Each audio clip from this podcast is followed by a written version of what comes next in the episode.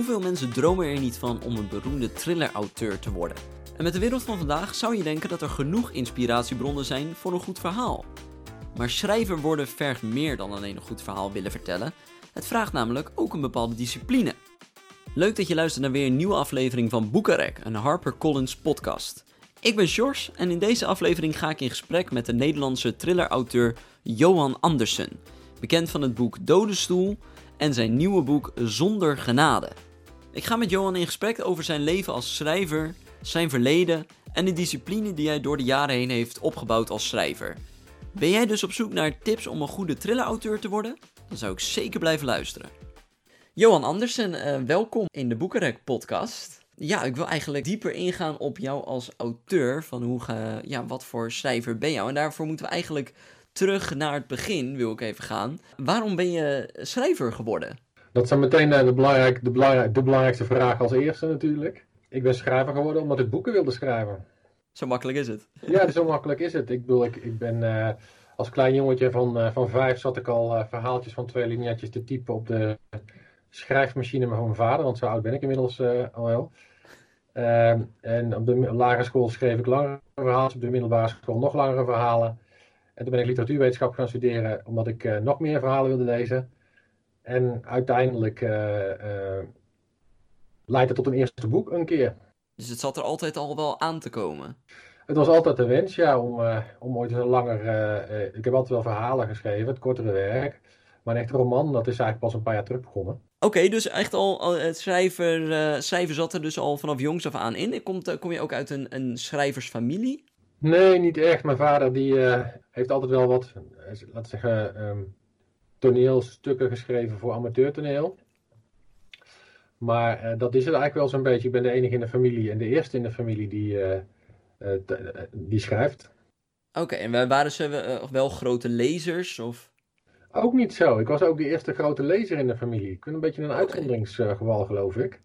Ik las al vanaf, ook al heel vroeg. En ik had de, de bibliotheekkaart van mijn, van mijn broertje, mijn vader en mijn moeder. Dus ik kon elke week, weet ik veel, twintig boeken halen of zo. En wat, wat, wat las je dan zoal? Kinderboeken. En van, toen, ik, toen ik de kinderboekenafdeling uit had in de bibliotheek, stapte ik over naar uh, de volwassenen sectie. Maar dan vooral de fantasy en de science fiction. en toen ik dat allemaal gelezen had, ging ik over op literatuur. Alles wat er was eigenlijk. Ik heb veel favoriete auteurs. Hoewel ik moet zeggen, de laatste jaren sinds ik zelf fictie schrijf, ik niet heel veel fictie meer lees. Um, dat is gewoon niet omdat ik het niet wil, maar het is gewoon een tijdkwestie. Ik heb de laatste jaren veel thriller-auteurs gelezen. En vandaar ook dat ik thrillers ben gaan schrijven uiteindelijk. Um, en dan, dan praat je over favoriete auteurs. Lee Child is een van mijn favoriete auteurs. Karen Slotter ook wel. Dat soort werk lees ik graag. En daar doe je denk ik dan ook wel inspiratie voor op. Nou, dat is een gevaarlijke vraag voor een thrillerschrijver natuurlijk. Inspiratie. Kijk, ik, ben, uh, ik, ik, kom, ik kom natuurlijk uit het uitgeverwezen. Uh, heb jarenlang uh, ook, ben ik, heb ook in de thrillers gezeten. Dus ik, ik heb er duizenden en duizenden en duizenden gelezen. en dat is allemaal zo'n beetje ingezonken, al die, die kennis. Um, bovendien, al die crime-series die je dan op tv kijkt en op YouTube kijkt.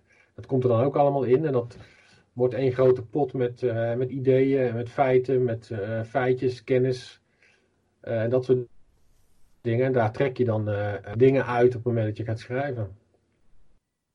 En ben je dan niet bang als je, als je dan gaat schrijven dat je, omdat je zoveel hebt gelezen, ben je dan ook wat meer alert op bepaalde schrijfvaardigheden? nou, ik, ik hoor veel, veel schrijvers veel zeggen, zeker als ze beginnen, dat ze origineel willen zijn. En Kijk, als je genre wil schrijven, zoals, zoals, een, zoals een thriller, uh, dat, dat, zo'n genre drijft op formules. Dus als je een politieroman wil schrijven, dan zitten daar zekere wetmatigheden aan waar je gewoon niet uh, aan ontkomt. Dus het is helemaal niet erg om formule te schrijven. Sterker nog, je, hebt, je, boek gaat succesvoller zijn des te beter je je aan, des te, des te meer je aan die formules houdt. Um, en ik heb geleerd door de jaren heen dat het gaat niet zozeer om originaliteit van de formule. Dus een politieroman, je weet van tevoren al hoe die gaat lopen. Daarom kopen mensen ook zo'n roman. Waar het om draait en waar je, je schrijver, als schrijver je meerwaarde in legt, is, um, is het plot, zijn de personages, um, zijn de actiescènes, is het goed geschreven, uh, voelt de lezer zich betrokken. Je kunt de grootst mogelijke cliché ter wereld schrijven als het goed geschreven is en als het de aandacht vasthoudt, dan, dan zal het zijn lezers vinden. Dus het is helemaal niet noodzakelijk om heel origineel te zijn. Wat ik geprobeerd heb is een aantal subgenres binnen dat thrillergenre die ik zelf heel, eh, heel leuk vind, uh, aan, elkaar aan elkaar te voegen en daar een spannend verhaal van te maken. En hoe, verloopt jouw schrijfproces dan? Begin je dan bijvoorbeeld met een, met een plot of uh, laat je je erg leiden door je, door je personages? Ja, dat ontstaat een beetje, um, een beetje organisch. Um, je hebt een plot idee, waar, waar moet het over gaan? En ehm, daar, dat kun je een beetje uitwerken, maar daar moet op een gegeven moment een personage bij. Want de, de, interactie plot-personage is uiteindelijk, wat uiteindelijk het boek maakt. Dus mijn idee voor Dodenstoel bijvoorbeeld ook. Dat, dat begon met die scène uh, um, aan het eind van het boek met, met de stoel, met de dodenstoel. En ja. daar, stonden, daar, zaten een paar figuren in, dat, in die scène. En dan is het een kwestie, dan, toen was het een kwestie van um, die personages terug in de tijd volgen om te kijken waar het verhaal begon.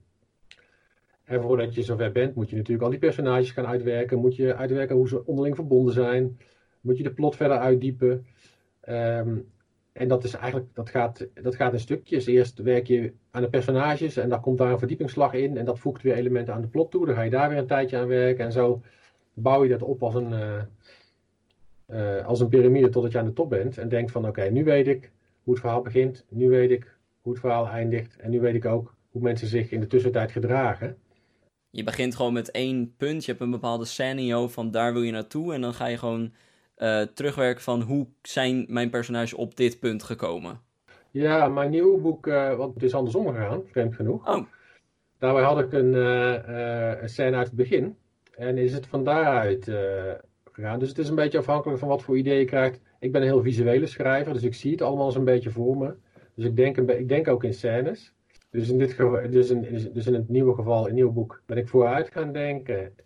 Had ik wel het voordeel natuurlijk dat de personages grotendeels al bestonden, want die heb ik meegenomen uit boek 1. Maar ja, zeg maar, die, het kan ook zijn, dat er, ik ken ook schrijvers die uh, uh, heel methodisch werken. Die, die moeten per se aan het begin beginnen en dat langzaam tot aan het einde uitdenken. Ik ken ook schrijvers die helemaal niks uit willen denken voordat ze beginnen, die het organisch laten ontstaan. Maar ben je dan ook een, cijfer die, zeg maar, stel je werkt wel die, dus zoals bij uh, Dode Stoel werk je de andere kant op. Dus je hebt iets, een scène in gedachten en je denkt, daar moet ik naartoe gaan werken. En stel je komt dus gaandeweg erachter, dus terwijl je ideeën komen, je personages bepaalde wegen leiden, dat je denkt van, hé, hey, het wordt nu wel eigenlijk lastig om op dat punt uit te komen. Uh, ben je dan wel een, een cijfer die zich makkelijk aanpast, of ga je er alles aan doen om op dat punt te komen? Nee, ik, laat het, ik, ik, pas me dan wel aan. Um, kijk, ik schrijf natuurlijk al heel lang. Um, ik heb wel geleerd, uh, de ervaring leert wel dat te veel plannen vooraf um, heeft als risico dat je het verhaal doodschrijft en dat je dus op een gegeven moment, en dat zie je vaak wel in boeken terug, dan, ik herken dan de punten waarop de schrijver uh, uh, verplichte stappen heeft moeten maken. Dan wordt het vaak ook wat geforceerd en dan loop je ook meer gevaar op die, op de Deus Ex Machina, dat er dingen gebeuren omdat het plot dat nou eenmaal vereist. Ik wil wel graag dat het plot blijft drijven op de um, geloofwaardigheid van de personages. Dus op het moment dat je je personage hebt gedefinieerd op een manier en dat de lezer gewend is geraakt aan de manier waarop ze zich gedragen, um, daar sluit je ook bepaalde dingen mee uit. Je weet als schrijver ook gewoon, ik kan die richting niet op nu, want dat is iets wat mijn personage nooit zou doen. En hoe, hoe verloopt jouw uh, schrijfdag? Schrijf je bijvoorbeeld elke dag? Um, vijf of zes dagen in de week als ik echt aan het schrijven ben. Ik, werk, ik schrijf dus na, mijn werk. Dus um, um, dat betekent gewoon dat je gewoon conse, consequent schrijftijd moet inruimen. Dus ik schrijf meestal vanaf een uur of acht tot tien. en mijn uh, streven is heel simpel. Ik schrijf of twee uur of 1500 woorden. Dat is de regel. Dus ik ga om 8 uur achter mijn scherm zitten en ik hou hem 10 uur op. Of ik mag ophouden als ik al 1500 woorden heb. Dat haal ik meestal. Het is ook een kwestie van als je jezelf getraind hebt en je hebt je voorbereiding goed gedaan, dan is dat, uh, dan is dat wel te halen. Kijk, ik heb, ik heb mijn schrijfproces gebouwd op het feit dat ik weet dat ik weinig tijd heb. Dus de tijd die ik aan schrijven besteed, moet ik ook nuttig besteden. En als je bij uitgeverijen zit en je hebt deadlines, want je hebt een contract, dan kun je ook niet al te veel uitstel veroorloven. Dus ik maak een hele strakke planning. Ik neem twee maanden om het idee uit te werken en de research te doen en het basisverhaal uit te denken. En als ik eenmaal begin te schrijven, dan is het uh, 7.500 woorden per week minimaal. Zo, oké. En hoeveel weken ben je dan echt aan het schrijven totdat je je, je eindproduct hebt? Drie tot vier maanden ongeveer. Ah, oké, dus ongeveer een half jaar per boek. Een half jaar per boek. Tot de eerste versie voor redactie naar de uitgever. Klinkt, uh, klinkt als een heel uh, ontspannen proces eigenlijk. Ja, het, het, heeft wel een aantal jaren gekost hoor, hoor ik wel. dus uh... Ja, is het wel met de jaren gewoon makkelijker geworden? Was het vroeger wel wat, wat frustrerender? Heel erg. Er zijn een aantal dingen die, die, die, die, die, die ertoe bijdragen dat je die rust kunt opbrengen. Want het gaat om rust, hè? het gaat om zelfvertrouwen. Um, en het gaat ook om uh, dat je jezelf niet toestaat om er iets afgeleid te worden. En toen ik begon met schrijven, nog tijdens mijn studietijd, toen schreef ik veel fantasy, schreef ik ook veel literatuur. Um, was ik nog niet zeker van mijn eigen stijl. Um, je, bent, je hebt niet het zelfvertrouwen dat wat je schrijft, dat dat ook meteen goed is. Uh, je spiegelt je vaak aan uh, hele beroemde schrijvers. En dan denk je, ja, zo goed ben ik nog niet. Al voor een soort gebrek aan zelfvertrouwen, dat, elke, dat als je zit te schrijven, je nooit vrijheid kunt schrijven. Je bent dus altijd bezig met, is, is wat ik schrijf wel goed genoeg? En dat is eigenlijk ook volgens mij de, de, de belangrijkste oorzaak van writersblok. Is op het moment dat je zelfvertrouwen zo, of je, je, je gebrek aan zelfvertrouwen zo groot wordt, dat je je bij, om, bij elke zin aan jezelf begint te twijfelen, dan ga je uiteindelijk blokkeren. Ja, het is gewoon een proces van accepteren en loslaten op een gegeven moment. Het is loslaten. Het is, uh, en dat is het tweede wat ik dan ook altijd zeg, behalve dat rust en je eigen stijl vinden, en accepteren wie je bent als schrijver, um, is ook gewoon schrijven wat je wil. Dus dat schrijven, het boek schrijven dat je wil schrijven.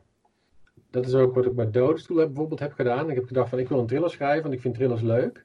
En ik heb gewoon alle dingen gepakt uit de voorbeelden die ik goed vond, de schrijvers die ik graag lees. En dan schrijf ik het boek dat ik zelf graag wil lezen. Dat, is eigenlijk, dat heb ik ooit van een uh, oude fantasy schrijver gehoord. Toen ik hem vroeg van, uh, uh, waarom zijn je boeken eigenlijk altijd zo goed? Hij zegt, omdat ik elke keer het boek schrijf dat ik zelf zou willen lezen. En dat heb ik altijd onthouden. Dus elke keer als ik zit te schrijven en, en, en zo'n kiem van twijfel in me opkomt van, is dit nou wel goed genoeg of is het nou wel interessant genoeg? denk ik van, ja, maar dit is wat ik wil schrijven nu. Vooral voor jezelf doen en niet aan de verwachtingen van anderen willen voldoen dan. Precies, want als je boek dan niet verkoopt, bijvoorbeeld, het kan, of als je je boek niet kunt verkopen, uh, dan heb je tenminste nog een boek waar je zelf tevreden mee bent. Nou ja, dan gaan we even naar, jou, uh, naar jouw twee meest recente boeken. Daar zijn, uh, wat je net al zei, daar zitten twee personages in die in allebei de boeken de hoofdrol laat spelen, Hamer en Panka. Ehm, wie zijn deze, deze personages voor jou? Het zijn allemaal, en dat, op het gevaar om, uh, om, om uh, te psychologiseren, het zijn allemaal stukjes van mezelf. Dat is bij elke schrijver zo, denk ik. Um, nee, het zijn twee, het zijn, um, als je symbolisch bekijkt, het zijn eigenlijk twee uh, type hoofdpersonen die ik heel graag lees. Je hebt de klassieke politie-rechercheur, meer de serial killer kant op. Hè? als je naar Slaughter kijkt, dat, is, dat is Nelly Panka. En dan heb je Eugène Hamer, dat is meer de, de lone wolf, de, de geheimagent, de, uh, laten we zeggen Jack Reacher. Meer de Lee Child. En die heb ik geprobeerd in één verhaal uh, te vatten. Dus dan heb je, dat was eigenlijk mijn doel vanaf het begin. Dat is eigenlijk het eerste idee dat ik had. Ik wil die twee personages, wil ik graag samen, wil ik die laten slagen. Kijken of ik een, boek kan schrijven dat zowel politieroman is, een serial killer thriller en uh, een soort Jack Reacher. Maar, maar je zegt net, ze zijn een beetje een mix van jouzelf. Wat, wat voor karaktertrekken hebben zij die jij ook hebt? Nou ja, weet je, Hamer is zo'n type dat uh, uh, um, bijna ongeduldig zou je hem kunnen noemen. Hè? Dat wil, hij wil altijd vooruit. Hij denkt in oplossingen, niet in problemen. Hij kijkt ook niet. En dat, dat is ook een deel van mijn, van mijn personages. Wat ik bijvoorbeeld in mijn eigen werk uh, wel zie. Aan de andere kant hou ik ook wel van dat hele bespiegelende. Uh, dat rustig nadenken over dingen dat Nelly heeft. Uh, dus dat in mij, zeg maar, dat, dat in mijzelf een soort spanning altijd geeft. Meer mensen hebben dat hoor. Ik ben wat dat betreft geen unieke uh, case. Uh, maar die heb ik eigenlijk een beetje in elkaar getrokken, uit elkaar getrokken en daar twee personages van gemaakt. Niet bewust. Dat zijn dan van die dingen die je achteraf uh, analyseert. Hè? zoals gezegd, Hamer is eigenlijk meer gebaseerd op het Jack Reacher, Jason Bourne prototype. En Nelly Panka is meer gebaseerd op het meer de rechercheur-detective prototype. Maar als schrijvende komt dat er als, als, vanzelf, als vanzelf in. En wie is dan van deze twee je favoriet? Of heb je dat überhaupt? Laatst, laatst uh, liet ik mezelf schrikken door te zeggen: mijn favoriet is eigenlijk een bijpersonage. uh, Melissa is, de, is, een, bij, is het, uh, een van de hoofdbijpersonages, zal ik maar zeggen. de assistent, de rechterhand van Nelly. En dan vragen ze: hoe kan het nou zo zijn hè, dat, je, dat je twee hoofdpersonen niet je favoriete personage zijn? Maar ik denk dat dat komt omdat je zit zo dicht op die twee hoofdpersonen. En als schrijver worstel je daar ook wel een beetje mee. Hè? Je hebt soms een beetje uh, ruzie met ze. Ze krijgen een eigen wil op een gegeven moment. En zo'n bijpersonage, daar is het belang niet zo groot. Die kun je lekker zijn eigen gang laten, of haar eigen gang laten gaan in dit geval. Ehm, en die zijn in sommige gevallen, ik heb wel sommige avonden dat ik, dat ik mezelf op betrapte, dat ik uh, haar een grotere rol gaf dan ik eigenlijk van plan was geweest. Gewoon, weet je, ik voel me niet zo lekker, ik ga lekker iets met Melissa schrijven ze schrijft gewoon makkelijker en lekkerder dan. Ja, maar dat, omdat er natuurlijk niet zoveel aan, van afhangt hè, van zo'n personage. Ik bedoel, de, de hoofdpersonages zitten. Ik probeer ze zo vrij mogelijk te laten, zeker binnen de scènes. Maar ze zitten natuurlijk wel een klein beetje in een keurslijf van een plot. Uh, er moeten wel bepaalde dingen gebeuren. Er moeten dingen ontdekt worden. Er moeten dingen gezegd worden op bepaalde momenten in het boek.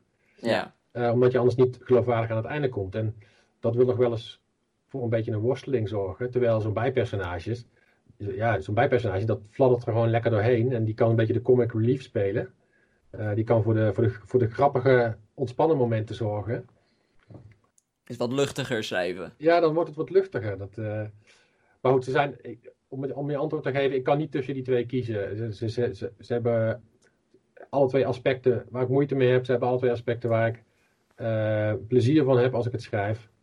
En dat is eigenlijk ook wel zoals het hoort. Hè? Goed uitgebalanceerd personage Um, heeft van alles wat, heeft pluspunten, heeft minpunten.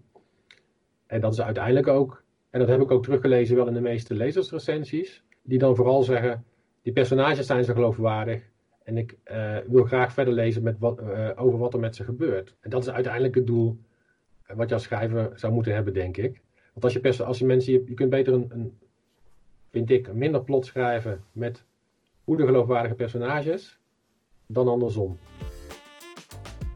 5 à 6 avonden in de week schrijven. Daar is inderdaad heel veel discipline voor nodig. Ben jij nou benieuwd waar al die avondjes schrijven toe hebben geleid? Het boek Zonder Genade van Johan Andersen is vanaf 26 mei verkrijgbaar in alle on- en offline boekhandels en natuurlijk via harpercollins.nl.